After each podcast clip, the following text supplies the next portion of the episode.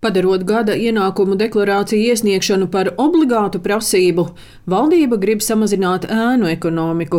Finanšu ministrijas tiešo nodokļu departamenta direktore Astra Kaļāne stāsta, ka gada ienākumu deklarācijas par 2024. gadu būs jāiesniedz līdz 2025. gada 1. jūlijam.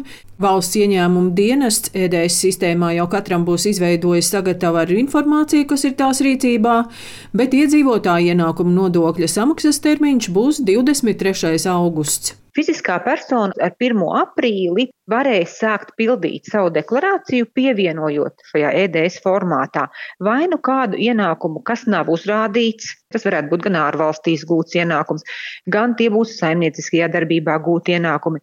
Pēc tam veidojas divi varianti. Vai nu aizpildot deklarāciju personai rodas nodokļu piemaksa vai pārmaksa. Respektīvi, vai nu persona ir parādā valstī, Vai nu persona, piemēram, atgūs atpakaļ iedzīvotāja ienākuma nodokli, iesniedzot attaisnojumu dokumentus par medicīnu un par izglītību. Astra Kaļāne no Finanšu ministrijas arī stāsta, ka būs atsevišķas iedzīvotāju grupas, kam gada ienākuma deklarācijas nebūs jāiesniedz, un no tiem liela daļa būs pensionāri, kuru ienākumi gadā nepārsniedz 6000 eiro. Ja personas vienīgais ienākums ir valsts pensija, un šī pensija ir līdz pensijas neapliekamajam minimumam 500 eiro mēnesī. Bet, protams, ja persona paralēli veic saimniecisko darbību vai gūst citus ienākumus, tad viņai jāsniedz arī pie nelielas pensijas. Protams, kad ir arī gadījumi, ka persona, pieņemsim, gūst tikai mikro uzņēmuma ienākumus, un šī mikro uzņēmuma nodokļu deklarācija jau iesniegta, un viņai nav nekādu citu ienākumu, tajā gadījumā ar personu varēs nesniegt šo deklarāciju. Jau šobrīd gada ienākuma deklarācijas valsts ieņēmuma dienas dienestā iesniedz ap miljonus Latvijas iedzīvotāju.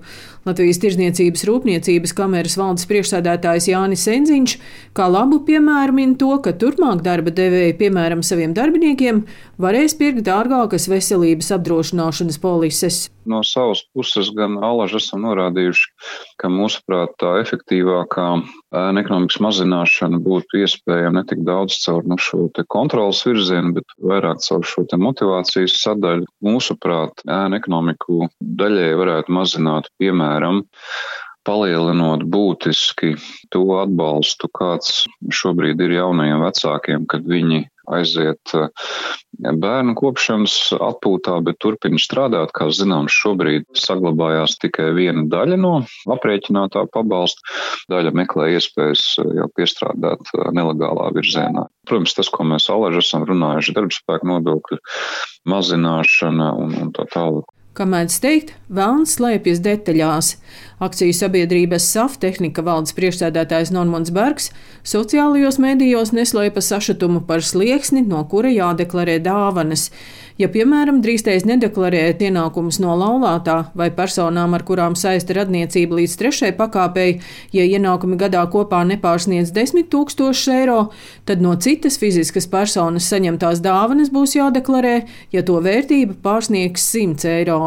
Nu, tas nozīmē, ka jūs savai draudzenei smaržu pudeli nevarēsiet nopirkt, nu, lai viņai tas nebūtu jādeklarē. Un man tiešām ir jāuzdod jautājums politiķiem. Tas likums saimā vēl nav pieņemts. Ko sabiedrība no tā iegūst? Ja es lasu valdības deklarācijā, ka valdība cīnīsies ar birokratizāciju, un tad taisās pieņemt tādu likumdošanu, nu, kas katru padarītu par potenciālu likuma pārkāpēju, nu, tas nav gudri, tas nav pareizi, tas nav valstiski. Grozījumus likumā par iedzīvotāju ienākumu nodokli apstiprinājusi valdība, tie vēl jāapstiprina saimai Daina Zalamane, Latvijas radio.